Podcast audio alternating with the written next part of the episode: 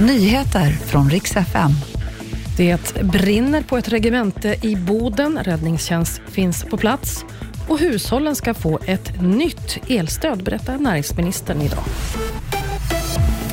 Ja, hushållen ska få ett nytt elstöd, det sa näringsminister Ebba Busch på en pressträff på eftermiddagen idag.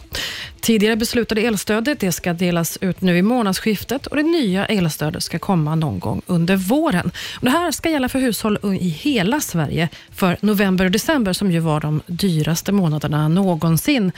Man ska också se över ett förbrukningstak som ska ta hänsyn till till exempel att norra Sverige har större behov när det är kallare ute.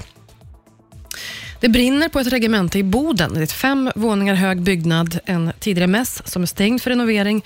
Just nu brinner i taket och räddningstjänsten finns på plats. Inga uppgifter än så länge om någon skadad. Konstverket Nimis och Arx har länge varit populära turistmål i Skåne. Tusentals turister klättrar varje sommar runt i Lars Vilks enorma trä och stenbyggen. Men de här ligger i ett naturreservat och i över 40 år har de klassats som svartbyggen. Nu ser det ut som att det här bråket äntligen kan vara över och byggena ska kanske få ett kulturminnesskydd. Så de tycks bli kvar i Kullaberg. Det var nyheterna. Jag heter Maria Granström.